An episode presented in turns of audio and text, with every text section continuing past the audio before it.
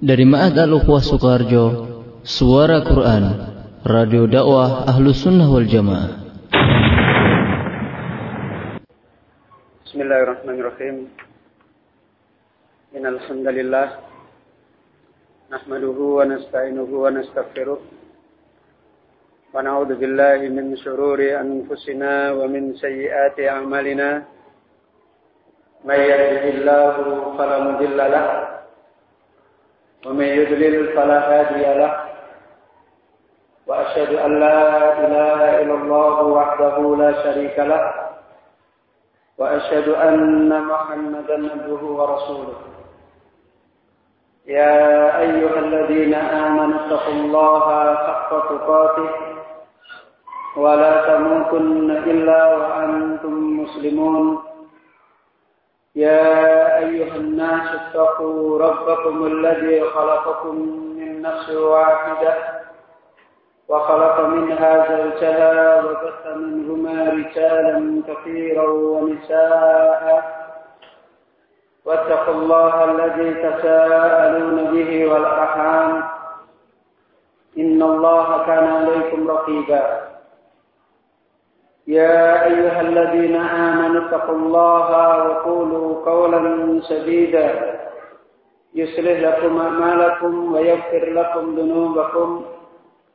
ومن يطع الله ورسوله فقد فاز فوزا عظيما. أما بعد فإن أحسن الكلام كلام الله وخير الهدى هدى النبي صلى الله عليه وآله وسلم. وشر الأمور محدثاتها وكل محدثة بدعة وكل بدعة ضلالة وكل ضلالة في النار. إخوان وأخوات في الدين ومسلمين رحمن ورحمة الله. fadlul ilmi wa alihi fi sunnatul rasul tentang keutamaan ilmu dan ilmu di dalam sunnah Rasulullah Sallallahu Alaihi Wasallam. Sebagaimana tadi disarankan oleh beliau Ustadzul Qahar karena materinya masih cukup lumayan perjanjiannya sampai sore saja jadi mungkin supaya meringkas waktu beberapa faedah kita tinggal mudah-mudahan walaupun ditinggal antum juga tidak tertinggal. Bisa mengambil faedah sendiri mungkin tertunda atau mungkin bisa ditanyakan kepada yang lain. Sebab kalau dibaca semua mungkin sampai sore untuk tentang keutamaan ilmu saja sudah habis waktunya. Gimana ini? Setuju atau enggak? Setuju ya? Iya, kalau cepat selesai ini biasanya setuju. nggak tahu selesainya itu dapat apa nggak dapat itu. kalau kalau ditawarin sesuatu yang sifatnya kilat itu biasanya langsung bercahaya wajahnya. Kalau saya ditawari seperti itu saya nggak setuju. Saya minta dibacakan semuanya walaupun sampai malam, tapi yang jangan minta begitu. ya, mungkin jangan minta gitu. Dalam hadis Nabi cukup banyak yang menerangkan tentang faedah-faedah keutamaan tentang ilmu sebagaimana beliau Syekh Abdul Muhsin hafizahullah menerangkan jaa fi sunnati ahaditsu katsiratun dalatun ala fadlil ilmi syar'i umuman wa ala fadlil ilmi bil kitab wal ilmi bis sunnati khususan. Banyak sekali telah datang di dalam sunnah hadis-hadis yang tidak terhitung yang menunjukkan tentang keutamaan ilmu syar'i secara umum dan menunjukkan atas keutamaan ilmu kita, ilmu Al-Quran dan ilmu sunnah Nabi secara khusus. Dan ini banyak sekali dalilnya. Sebagian antum sudah pernah kita terangkan. Mungkin kita mengambil faidah pada dalil yang keempat. Sebagaimana kita hidup ini menempuh jalan di dalam kehidupan kita dan kita akan menuai kehidupan kita. Orang yang tahu kehidupannya ini adalah merupakan bekal bagi dia. untuk menuai nanti kesudahan yang baik, tentu dia bisa menyiapkan diri apa yang paling pantas di dalam hidup ini yang paling baik dia persiapkan. Apalagi ikhwanafiddin, mari kita camkan. Allah jadikan kehidupan kita di dunia yang sebentar. Allah jadikan kehidupan kita yang di dunia yang sebentar dijadikan oleh Allah sebagai penentu apa? Sebagai penentu apa? Balasan di akhirat yang selama-lamanya. Coba perhatikan. Ya. Balasan di akhirat yang selama-lamanya didasarkan oleh Allah dengan perjalanan hidup kita di dunia yang sebentar. Makanya begitu banyak pengajaran hikmah tentang kehidupan dunia yang harus kita persiapkan. Di antara faedah ini adalah tentang keutamaan ilmu. Tidak ada yang paling mulia yang kita bisa raih kecuali dengan keutamaan ilmu. Yaitu hadis Nabi Sallallahu Alaihi Wasallam yang insya Allah sudah sering banyak kita dengar. Nabi bersabda, "Idza matal insan, in qata'a anhu amaluhu illa min salatatin, illa min sadaqatin jariyatin, aw ilmin yuntafa'u bihi, aw waladin salifin yad'u lahu." Hadis ini sudah sering cukup banyak kita dengar. Mari kita kembali jadikan nasihat kepada kita tentang kehidupan nanti kita di mana kita sebagai manusia tentu banyak hal-hal yang kita luput kehidupan kita banyak yang tidak kita dimudahkan oleh Allah tetapi mari kita mengambil sebaik-baik bekal agar kita menjadi orang yang akan mendapatkan kemenangan tatkala kita bertemu dengan Allah. Nabi bersabda, ketika manusia telah mati, telah meninggal dunia wafat, seluruh amalnya terputus dari dia. Sudah. Mari kita camkan bagaimana kehidupan kita. Orang sekarang sibuk dengan segala urusan dunianya, dengan mobilnya, dengan rumahnya, dengan jabatannya, dengan istrinya, dengan anaknya, dengan urusan apa pun dalam dunia, begitu mati, sudah. Begitu mati sudah. Semua tidak punya hubungan apa. Seperti tidak ada lagi katanya dengan hubungan yang ada. Ini peringatan bagi kita. Kemudian Nabi mengecualikan tiga hal yang sering kita sebagaimana sudah banyak dinasihatkan. Sodakotin jariyah. Sodakoh jariyah. Sodakoh yang senantiasa mengalir ganjarannya, pahalanya. Atau ilmin yang bihi.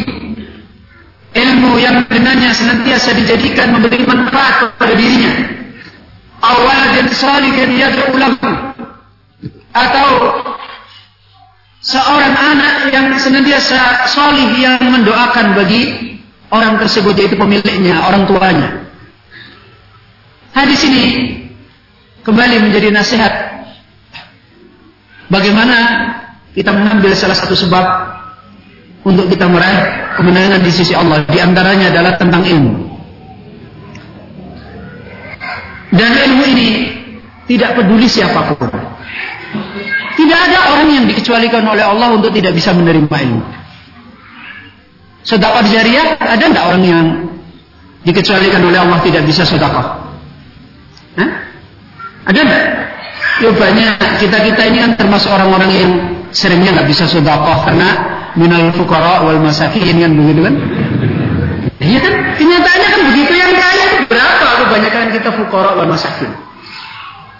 Anak yang soleh, kadang-kadang anaknya digadang-gadang pengennya jadi soleh, tahu-tahu sudah tua membingungkan orang tua.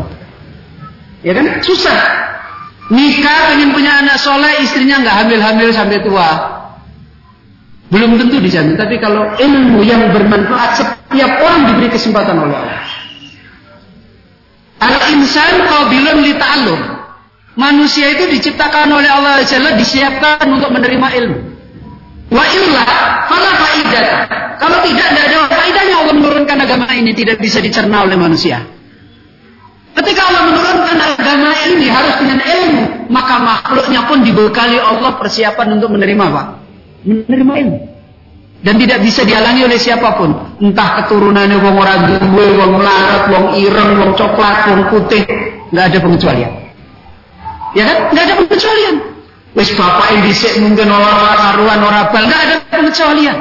Siapa pun punya kepentingan nasib meraih ilmu yang bermanfaat.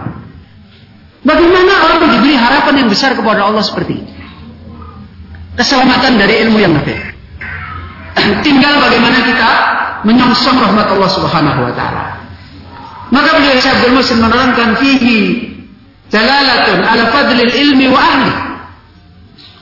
Di dalam hadis ini merupakan dalil tentang keutamaan ilmu dan ahli ilmu.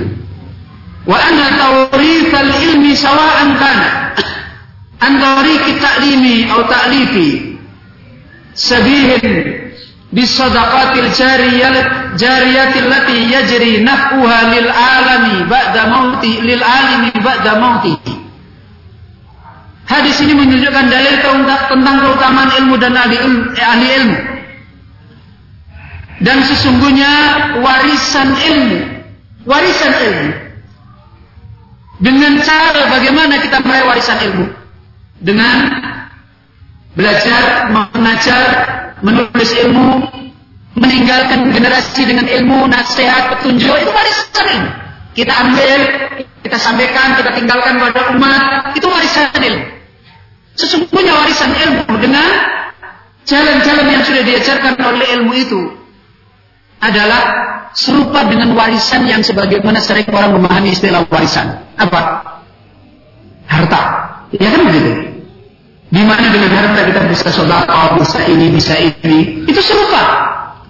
Di mana manfaat warisan ilmu, sebagaimana manfaat warisan harta, kalau itu bermanfaat, akan diraih oleh pemiliknya orang alim setelah meninggalnya. Sebagaimana Nabi SAW bersabda dalam hadis yang lain, secara khusus Nabi menjelaskan mana sisi manfaat ilmu itu berkesinambungan sampai meninggal dunia. Nabi bersabda, "Man da'a ila hudan kana lahu min al-ajri mithlu ujuri man tabi'ahu wa la yanqusu dhalika min ujurihim da'a ila dalalatin kana alayhi min al-ithmi mithlu atami man tabi'ahu wa la yanqusu dhalika min atamihim syai'an Nabi bersabda, barang siapa yang mengajak orang kepada petunjuk, dan tentu adalah orang yang punya ilmu. Orang yang dengan ilmunya dia mengajak manusia kepada petunjuk, maka dia mendapatkan ajar, mendapatkan ganjaran sebagaimana ganjarannya orang yang mengikuti dia. Orang yang mengikuti dia, kemudian dia amalkan, dia dapat ganjaran sebagaimana ganjarannya orang-orang yang mengikuti dia. Masya Allah. Berapa orang yang mengikuti dia, dia meraih terus ganjaran dari itu. Dengan itu tidak mengurangi dari ganjaran orang-orang yang mengikuti Sebaliknya orang yang mengajak kepada kesesatan, kepada kebodohan, tidak di atas petunjuk ilmu, maka dia mendapatkan dosa sebagaimana dosanya orang-orang yang mengikuti dia. Dan dosa itu tidak mengurangi dosanya orang-orang yang mengikuti dia sedikit pun.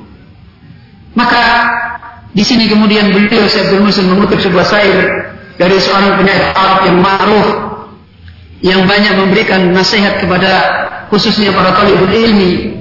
Waqala Bishaq Al-Biyari beliau berkata wa tufqadu in jahilta wa anta batin wa tujadu in alimta wa qad fukitta apa maknanya kalimat yang sangat bagus diungkapkan oleh beliau sesungguhnya engkau telah hilang engkau senantiasa menjadi orang yang hilang Orang yang tiada. In jahilka kalau engkau itu bodoh. Orang yang bodoh di dunia nggak diperhitungkan orang. Dianggap orang hilang. Ya, orang yang sudah tiada. Mana ada orang pernah menyebut namanya, mengambil faidah dari dia itu orang bodoh. Seperti orang mati. Ya. Watufqat. Kamu itu dianggap orang yang dihilangkan. In jahilka kalau kamu bodoh. Wa anta bakin walaupun kamu jumbleger itu masih hidup. Kalau orang Jawa bilang jumbleger tahu? itu arti orang kampung dulu jumbleger itu maksudnya gembongnya jasadnya itu hidup, makan buku banyak, makan jeruk banyak, hakikatnya orang mati. Tidak ada, tidak diperhitungkan. Ngentek-ngentek kayak makanan malahan. Orang kalau jahil, walaupun fisiknya itu masih ada, tepat nggak ternilai. Orang lewat ya biarin aja nggak ada faedahnya. Ini nasihat yang sangat bagus dalam kehidupan kita. Waktu jatin alimta dan engkau adalah orang yang didapati. Terus menerus kamu itu didapati ada. In alimta jika engkau telah menjadi orang alim. Sampai mati pun masih dinilai terus ada. Bukankah ini pengajaran hidup yang luar biasa dengan ilmu yang nafi? Ya. Wakat fukita. Dan sekalipun sungguh engkau telah tiada. Engkau telah diwafatkan oleh Allah, dimatikan oleh Allah.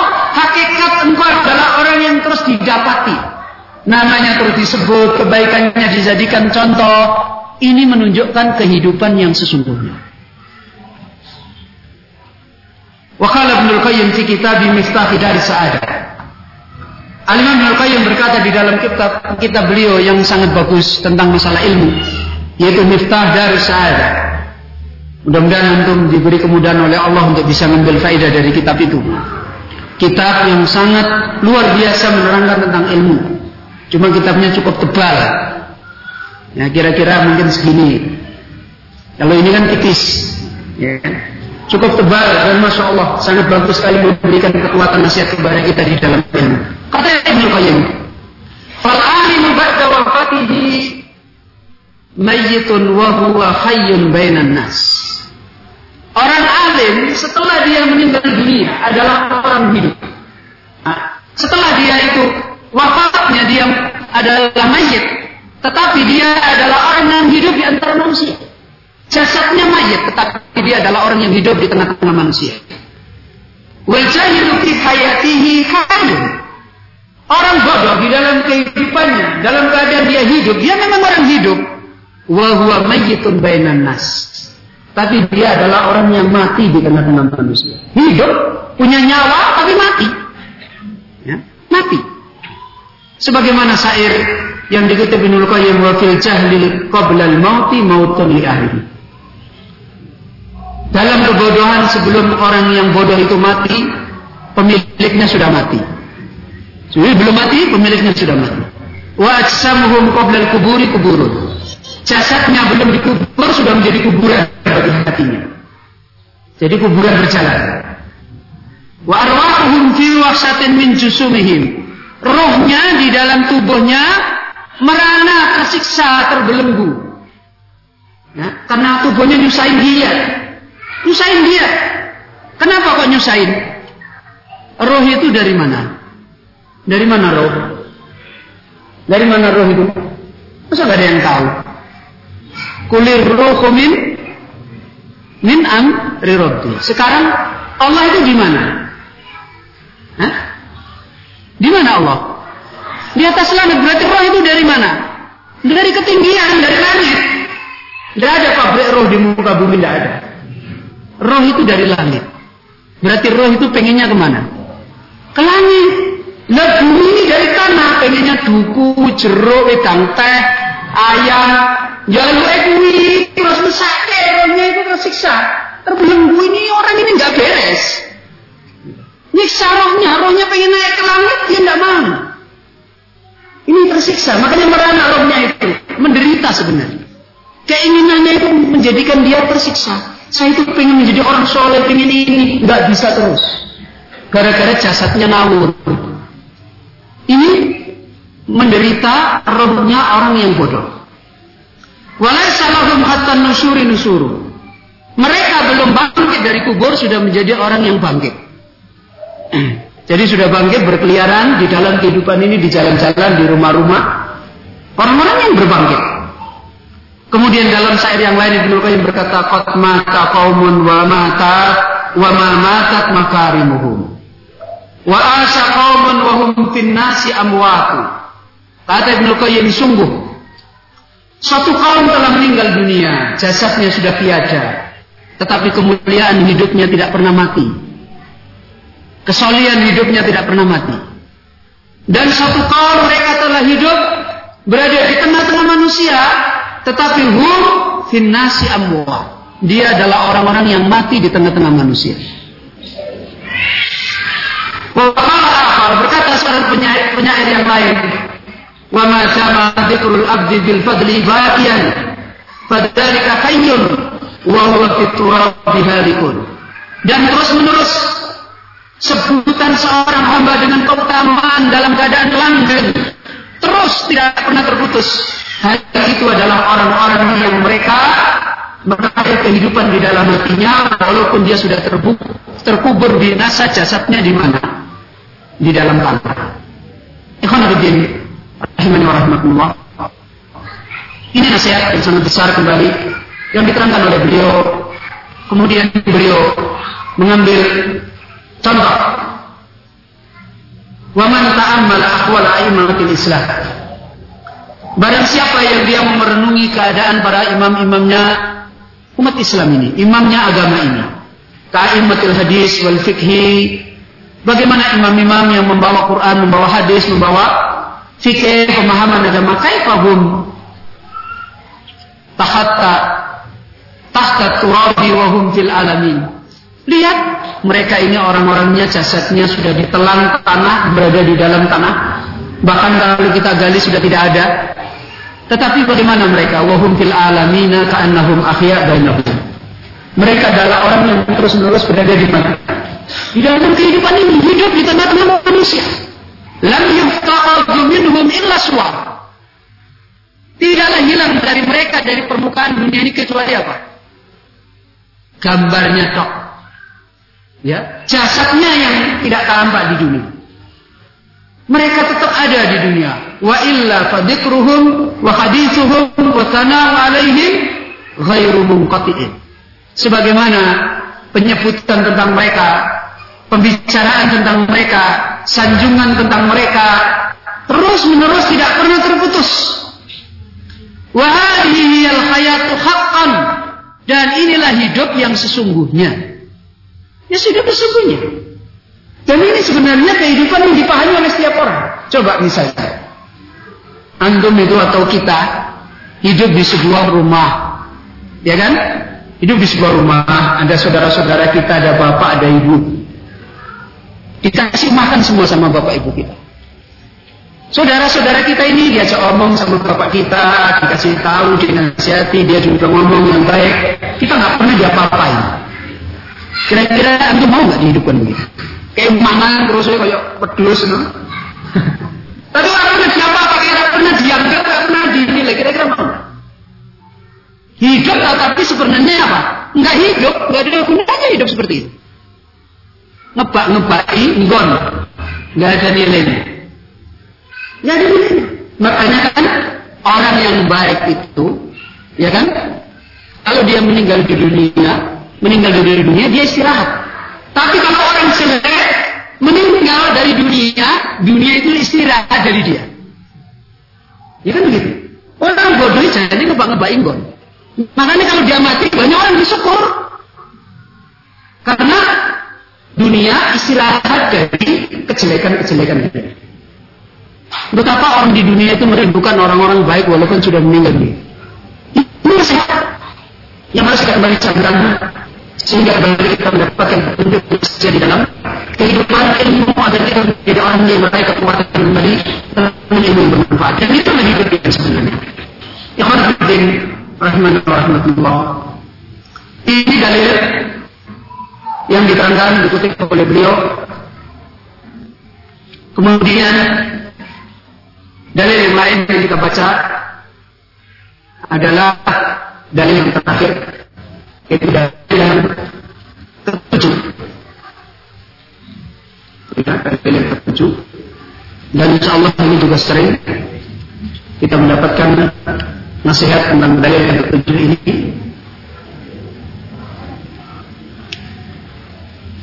وقوله صلى الله عليه وسلم نظر الله امرأ سمع منا حديثا فحفظه حتى يبلغه فرب حامل فقه إلى من هو أفقه منه ورب حامل فقه ليس بفقيه Dalil ini di satu sisi kembali menerangkan bagaimana kemuliaan yang Allah janjikan kepada orang-orang yang mereka mengambil ilmunya Allah. Di sisi yang lain, membuka kesempatan bagi siapa pun untuk meraih derajat yang paling tinggi yang paling baik ini. Sebagaimana Nabi Wasallam bersabda, Nadarallahu imra'an. Semoga Allah telah menjadikan berseri-seri wajahnya seseorang. Sami'a minna hadithan yang dia telah mendengar dari kami dari Nabi suatu hadis. Kemudian fahafidahu dia menghafalnya. Atau yubalighuhu kemudian dia menyampaikan sehingga dia menyampaikan hadis itu. Kemudian Nabi bersabda banyak rubba khamil fikhin banyak orang yang membawa pemahaman agama ini dia menyampaikan agama kepada orang yang lebih fakih, lebih berilmu darinya. Bifaqihin. Dan banyak orang yang membawa ilmu pemahaman di dalam agama ini, ternyata dia tidaklah orang yang lebih fakih, lebih berilmu. Hadis ini, sebagaimana tadi kita sebutkan di satu sisi Allah menerangkan keutamaan di mana orang yang mengambil ilmunya Allah Jalla akan meraih janji nabdar Allah. Allah akan menolong dia menjadikan wajahnya putih bercahaya berseri-seri. Sebagaimana Allah berfirman di dalam surat Ali Imran, "Yauma tabyaddu wujuhu wa taswaddu wujuh." Pada hari nanti di akhirat ketika orang dibangkitkan ada orang yang wajah-wajah mereka berseri-seri dan ada orang yang wajah-wajah mereka hitam. Kemudian yang kedua adalah hadis ini menerangkan tentang bagaimana bahwasanya nasib ilmu itu dibentangkan oleh Allah Azza wa Jalla dengan tidak pandang bulu. Semua setiap kita diberi kesempatan oleh Allah. Sebagaimana pada akhir hadis, boleh jadi orang membawakan sebuah hadis Nabi, ternyata yang dibawakan kepada dia adalah lebih paham, lebih berilmu daripada dia. Ikhwanuddin rahimahullah. Hadis ini Sebagaimana di dalam beberapa penjelasan di antaranya di dalam kitab Tuhfatul Ahwadi Sarajana Tirmidzi diterangkan tentang makna daripada hadis ini. Yang pertama adalah kata nadhar Allah. Nadhar itu artinya kalau diterjemahkan berseri-seri nikmat. Ya. Sebagaimana di dalam ayat wujuhu yawma idin nadirah ila rabbiha nadirah pada hari itu wajah-wajah manusia mereka berseri-seri kenapa mereka berseri-seri nikmat bahagia karena dia melihat melihat wajah Rabbnya. Dia melihat Allah SWT di dalam kitab Tufatul Afadi diterangkan oleh pensara khassahullahu bil bahjah wasururi lima ruzika bi ilmihi wa ma'rifatihi minal qadari wal manzilati bainan nas fid dunya. Wa ni'amihi fil akhirati hatta yura alaihi raunaqur raha wan na'mati diterangkan oleh beliau pencara sahih Tirmidzi Jami'ul Tirmidzi dalam kitab Tuhfatul Ahwadi Allah dalam ayat ini dan dalam hadis ini Nabi mengkhususkan, Allah memberikan kekhususan. Apa bentuk kekhususannya? Diberikan di, diberi nikmat berupa wajah yang berkilauan, bahjah, wasurur, wajah yang menampakkan kebahagiaan. Diberikan janji oleh Allah seperti ini dikaitkan dengan apa? Tatkala dia hamba itu diberikan rizki oleh Allah berupa ilmu diberi rezeki berupa ilmu dan pemahaman, kemudian dari sisi mana dia menjadi orang yang berseri-seri wajahnya, bahagia wajahnya, tak kalah dengan ilmu yang Allah berikan pada dia, dia mendapatkan al-qadar wal manzilah. Dia meraih nasib kedudukan yang tidak sama dengan orang lain. Dan meraih manzilah di tengah-tengah manusia di dunia dibedakan oleh Allah ditinggikan oleh Allah Subhanahu dan wani wani amini fil akhirah dan dia diberi oleh Allah nikmat di akhirat Diberi oleh Allah nikmat di akhirat. Kemudian hatta yura alaihi ranaqur raha wan nikmah. Sehingga ketika orang ini di dunia dia mendapatkan kehidupan yang diberi ilmu oleh Allah, wajahnya nampak dalam keadaan lapang, tenang dalam segala keadaan hidupnya di akhirat pun seperti itu. Dengan nikmat ilmu yang Allah beri, dia menjadi orang yang wajahnya diberikan oleh Allah kenikmatan. Dan itu menunjukkan bahagia yang dia raih. Dan sebagaimana kita tahu, nasib orang susah menderitanya itu tercermin di mana? Di wajahnya. Kelihatan kalau ini orang hidupnya sengsara, suram. Kelihatan kalau orang ini hidupnya lapang, bahagia. Kelihatan. Dan ini Allah kaitkan dengan ilmu. Di mana sebagaimana diterangkan dalam penjelasan yang lain bahwasanya al-bahjah wal baha'il wajhi kecemerlangan, keelokan, berserinya wajah yang diraih oleh seorang hamba ini adalah min atharin nikmah.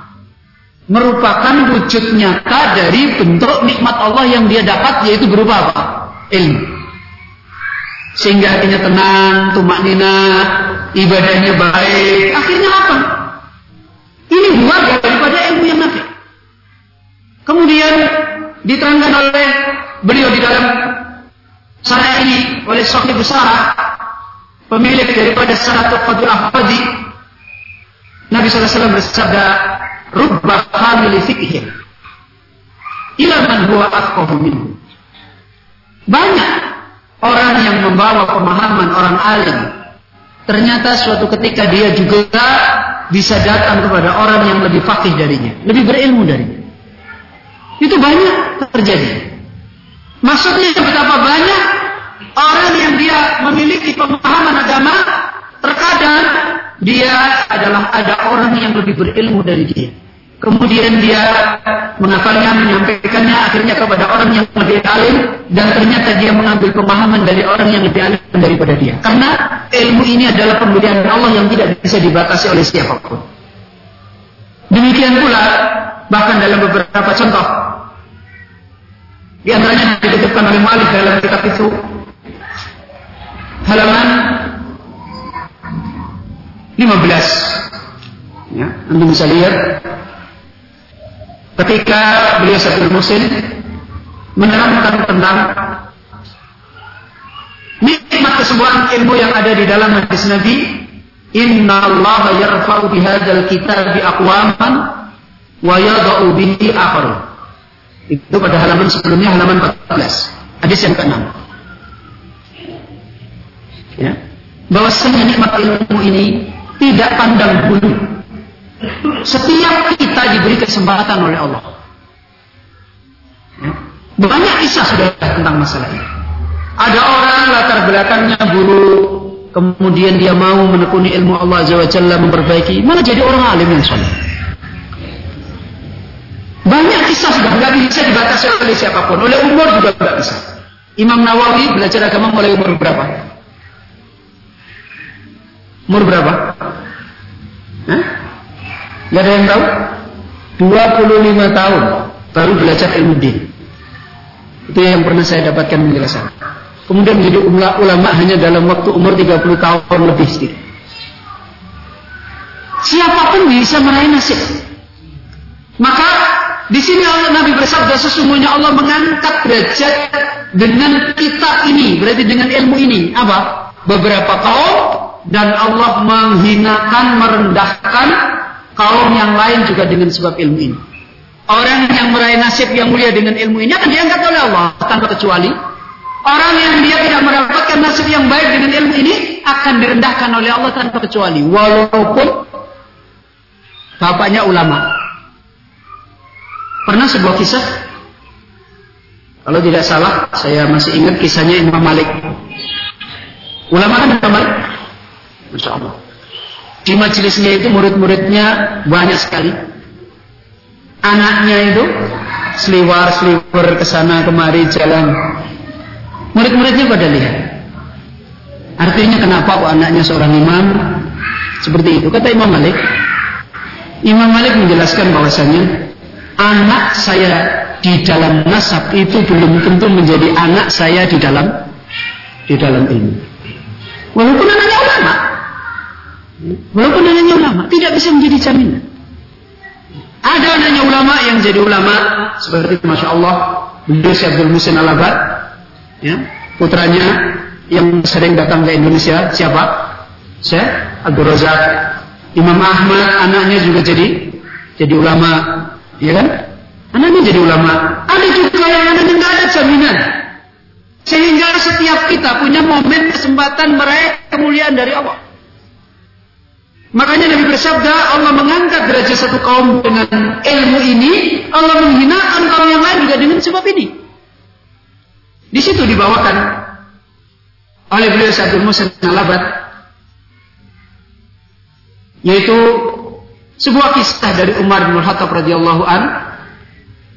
Wa fi awal kissatin wa hiya anna Nafi abni anna Nafi abna Abdul Harith laqiya Umar bi, bi, bi suatu ketika seorang ya, seorang tabi'in bertemu dengan Utsman eh, dengan Umar yaitu Nafi bin Abdullah Abdul Harith di negeri Asfan dan ketika itu wakana Umar yastamiluhu ala Makkah.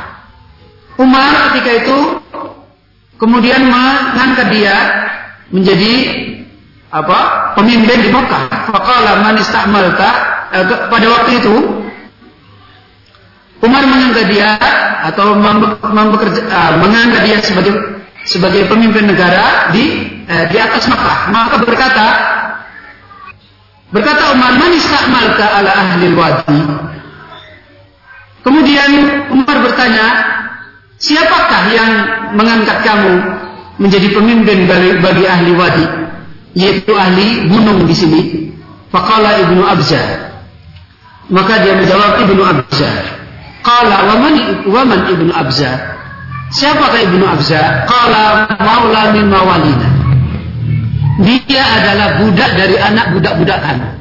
Coba, budak dari anak budak-budak kami, kemudian dia yang menjadi pemimpin sehingga mengangkat Nafi menjadi bawahannya.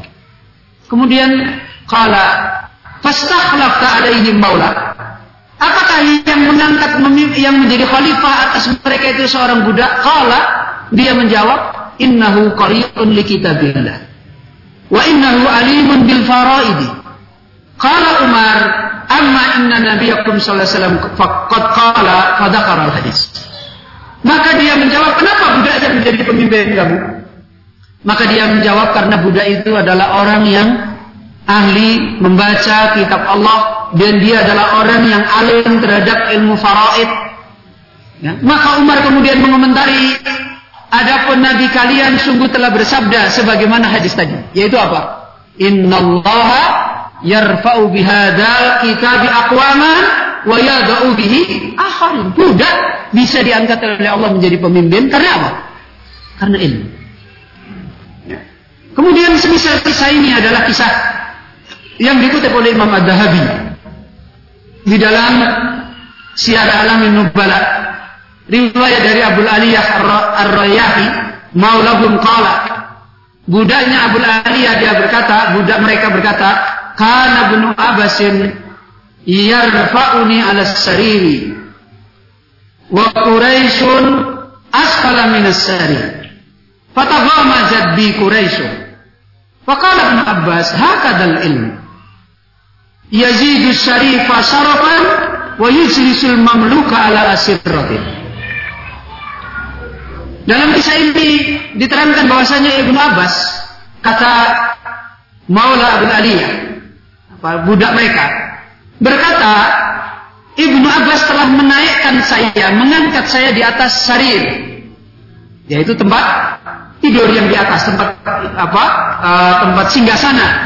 Wa Quraisyun asfala minas sarir saat itu orang-orang Quraisy berada di bawah daripada tempat itu. Saya yang budak dinaikkan Ibnu Abbas di atas. Kemudian kata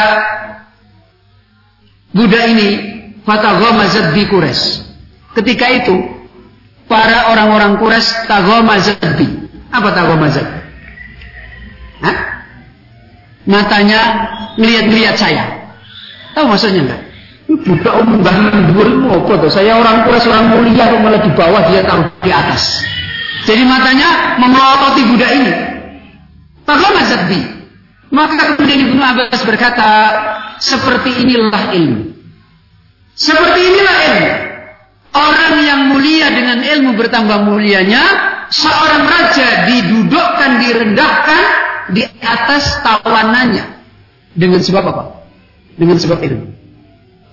Ini Rahman warahmatullah beberapa penjelasan kaitannya dengan keutamaan daripada ilmu yang ada di dalam hadis Nabi yang kita tidak baca tidak bisa baca secara keseluruhan. Kemudian jam berapa ini Ustaz? Sampai jam berarti tinggal setengah jam. Berarti sampai setengah dua belas. 15 menit lagi.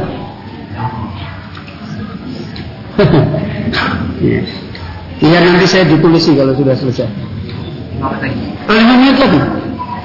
Kok cepat sekali ya? Sepertinya baru dibaca berapa halaman sudah habis lagi. Ini ngaji apa mau ekspresan ini? ya. Kemudian saya bacakan bagian berikut min kalamil ulama fi fadlil ilmi wa ahlihi. Halaman 15. Keutamaan ilmu yang disampaikan oleh perkataan para ulama yang telah meraih nikmat ini dan ahlinya orang-orang yang mendapatkan ilmu. Kalimat yang cukup bagus adalah apa yang disampaikan oleh Imam Ahmad bin Hambal di bagian awal. Lebih-lebih lagi pada zaman ini ketika banyaknya orang-orang yang mabuk, tenggelam, pada mati, dibunuh oleh iblis, oleh syaitan. Bahkan kadang-kadang sudah berpenyakit, nyari dokter susah, dokternya sendiri juga sakit. Bukan begitu? Ini kan zaman teknis sekarang gitu, sing loro oke, ning jero omah loro, ning pasar loro, ning dalan loro, ning kantor loro, nyari dokter-dokter sendiri juga perlu pilek, Nasihat yang cukup bagus dinasihatkan oleh Imam Ahmad bin Hambal adalah agar kita kembali nasib ini dengan besar. Karena kedudukan ahli ilmu sekarang ini sangat mendesak dibutuhkan. Orang-orang punya ilmu sehari ini dibutuhkan untuk banyak memperbaiki orang-orang yang sakit hatinya. Kata beliau Imam Ahmad bin Hambal ketika beliau menyampaikan mukaddimah di kitab beliau Ar-Ra'il al-Zanadiqah wal Jahmiyah bantahan kepada orang ahli zindik dan orang jahmiyah. Beliau menyampaikan mukaddimahnya dengan memuliakan kedudukan ahli ilmu. Berapa banyak orang-orang hatinya mati terkubur kena subhat, kena syahwat yang bisa menghidupkan kembali adalah orang ahli ilmu. Kata beliau, Alhamdulillahilladzi ja'ala fi kulli zamanin fatratan min ar-rusul. Baqaya min ahli ilmu sanjungan yang mutlak kita sanjungkan kepada Allah atas nikmat yang Allah berikan di setiap zaman di kala tidak ada rasul Allah masih jaga ada pembawa ilmunya Nabi ini nikmat yang besar Baqaya min ahli ilmi tersisa orang-orang dari ahli ilmu yang siang malam yad'una min dhalla ilal huda mereka selalu mengajak manusia kepada orang yang sesat pada petunjuk. Yasbiruna minhum alal ada. Mereka selalu sabar dari manusia dari apa yang dia dapatkan atas perkara yang menyakitkan. Yuhyuna bi kitabillahil mauta. Mereka telah menghidupkan kembali orang-orang yang sudah mati, sudah mati tadi.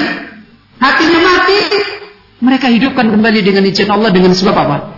dengan sebab kitab Allah, dengan sebab ilmu yang dia sampaikan. Wa yubassiruna bi nurillahi ahlal ama dan dia telah senantiasa memberikan petunjuk dengan cahaya Allah orang-orang yang buta tidak tahu mana baik mana buruk. Maka disimpulkan oleh beliau, fakam min qatilin li iblisin qad ahyuhu. Berapa banyak orang-orang yang sudah mati dibunuh oleh iblis dihidupkan kembali oleh Allah sebab mereka. Mereka hidupkan kembali. Sudah mati sudah menjadi calon penghuni neraka. Allah Azza wa Jalla menolong mereka dengan sebab nikmat yang besar. Wa kam man ta'ihin qad Berapa banyak orang-orang yang sesat, yang bingung, yang kacau, mereka telah diberi petunjuk. Maka fama aksana atharum alam nas. Tidak ada peninggalan yang paling baik yang dikaryakan manusia di atas muka bumi kecuali peninggalannya siapa? Para ulama. Para ulama. Mereka berbuat baik, tidak mengharap apa-apa, ya kan? Disakiti, sabar, mengharap hanya pada Allah, bagaimana tidak menjadi orang paling baik? Nasib yang paling mulia di hadapan Allah. Wa wa atharun nasi alaihim dan berapa banyak dan betapa jeleknya biasanya perlakuan manusia, balasan manusia atas mereka. Ini kedudukan mereka para ulama. Ikhwanifidin rahimani wa rahmatullah. Apa yang baru kita ambil dari kalimat yang disampaikan oleh beliau? Kita cukupkan sampai di situ. Kemudian kita mengambil nasihat kembali sebagai akhir dari pembahasan tentang keutamaan ilmu dan ahli ilmu. Beberapa syair yang sangat bagus. Di antaranya syair Abu Ishaq Al-Biyari ketika dia memberikan wasiat kepada anaknya laki-laki Abu Bakrin da'autuka lau ajabka ila ma fihi hadduka lau aqalta Abu Bakrin ini nama anaknya disebut Wahai Abu Bakar, saya memanggil kepadamu kalau kamu mau menerima panggilan ini. Kepada apa yang menjadi nasib hidupmu kalau kamu punya akal? Ila ilmin takunu bihi imama. Yaitu mengajak kepada ilmu yang dengan ilmu itu kamu menjadi pemimpin. Muta'an in nahaita wa in amarta. Maka engkau akan menjadi orang yang ditaati ketika engkau melarang dan ketika engkau memerintah. Wa yajidu ma bi'ainika min min wajdi wa yadika tariqa idza dalalta. Maka ilmu itu akan menjadikan terang apa yang ada pada pelupuk matamu dari kegelapan dan akan memberi petunjuk kepada kamu jalan ketika kamu tersesat minhu fi nadika tajan wa yaksukal jamala idza araita dan Ilmu itu akan membawa kamu kepada panggilan untuk meraih mahkota dan akan menjadikan pakaian pada kamu dengan pakaian yang indah tatkala kamu telanjang. Yanamuka naf'uhu ma dumta hayyan wa yabqa dzikruhu laka inda hatta. Maka manfaat ilmu itu akan senantiasa meraih pada kamu selama kamu hidup. Dan penyebutan ilmu kepada kamu, sanjungan ilmu kepada kamu terus menerus akan selamanya sekalipun kamu sudah pergi meninggalkan dunia.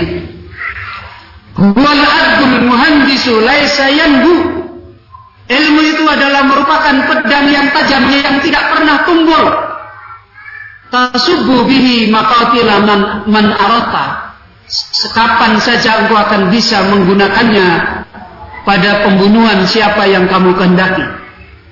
Wa kanzun la takhafu alaihi lisan khafiful khamli yujidu yujadu khaisu kunta.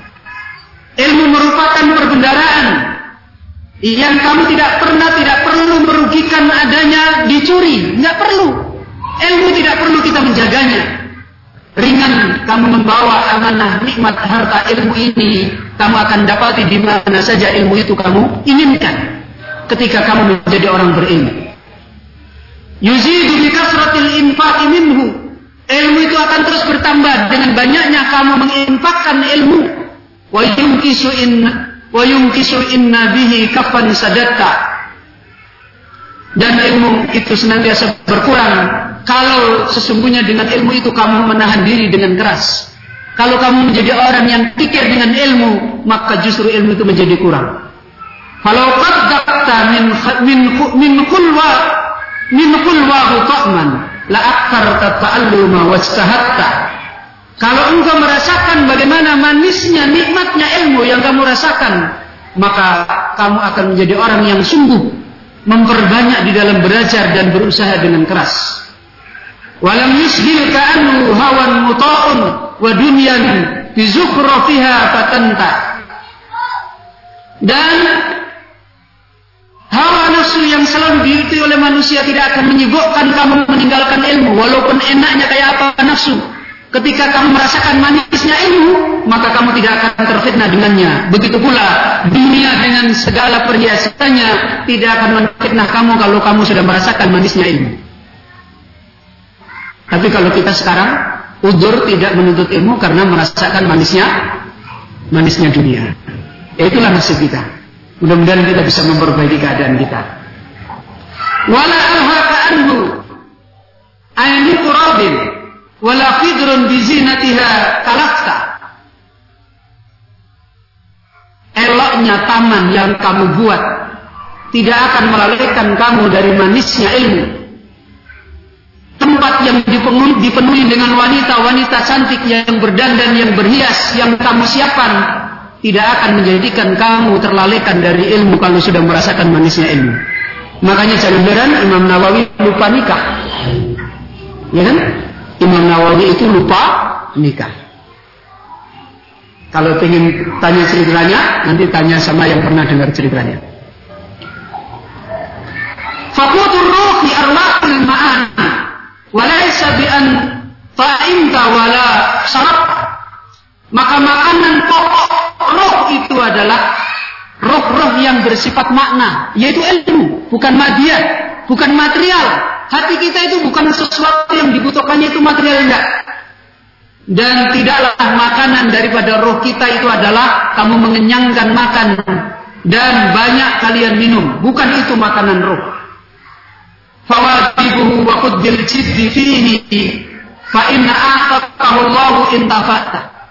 Maka jadikanlah tugas ilmu di dalam hidup.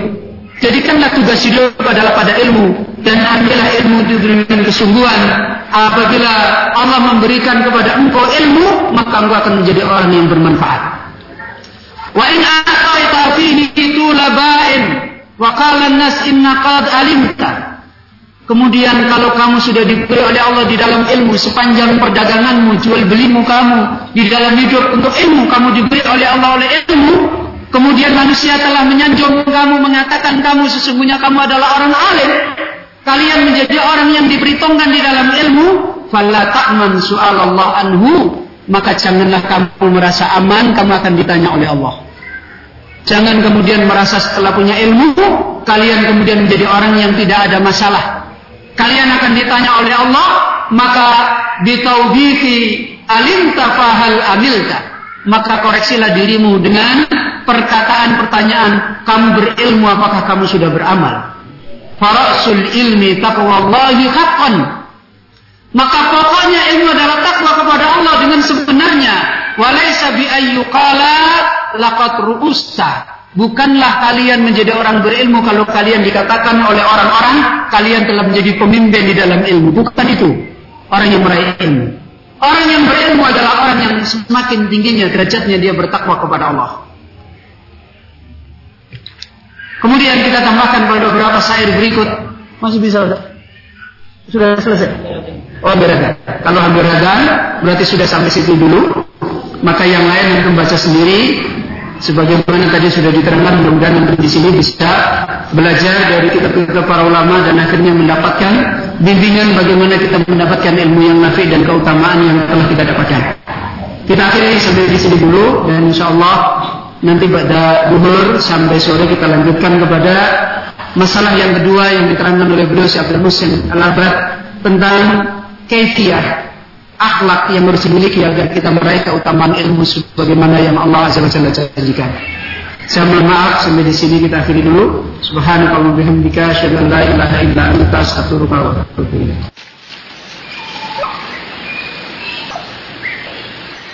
Panjenengan nembe midhangetaken sangang dosos kawan Komas kawan FM Radio Suara Quran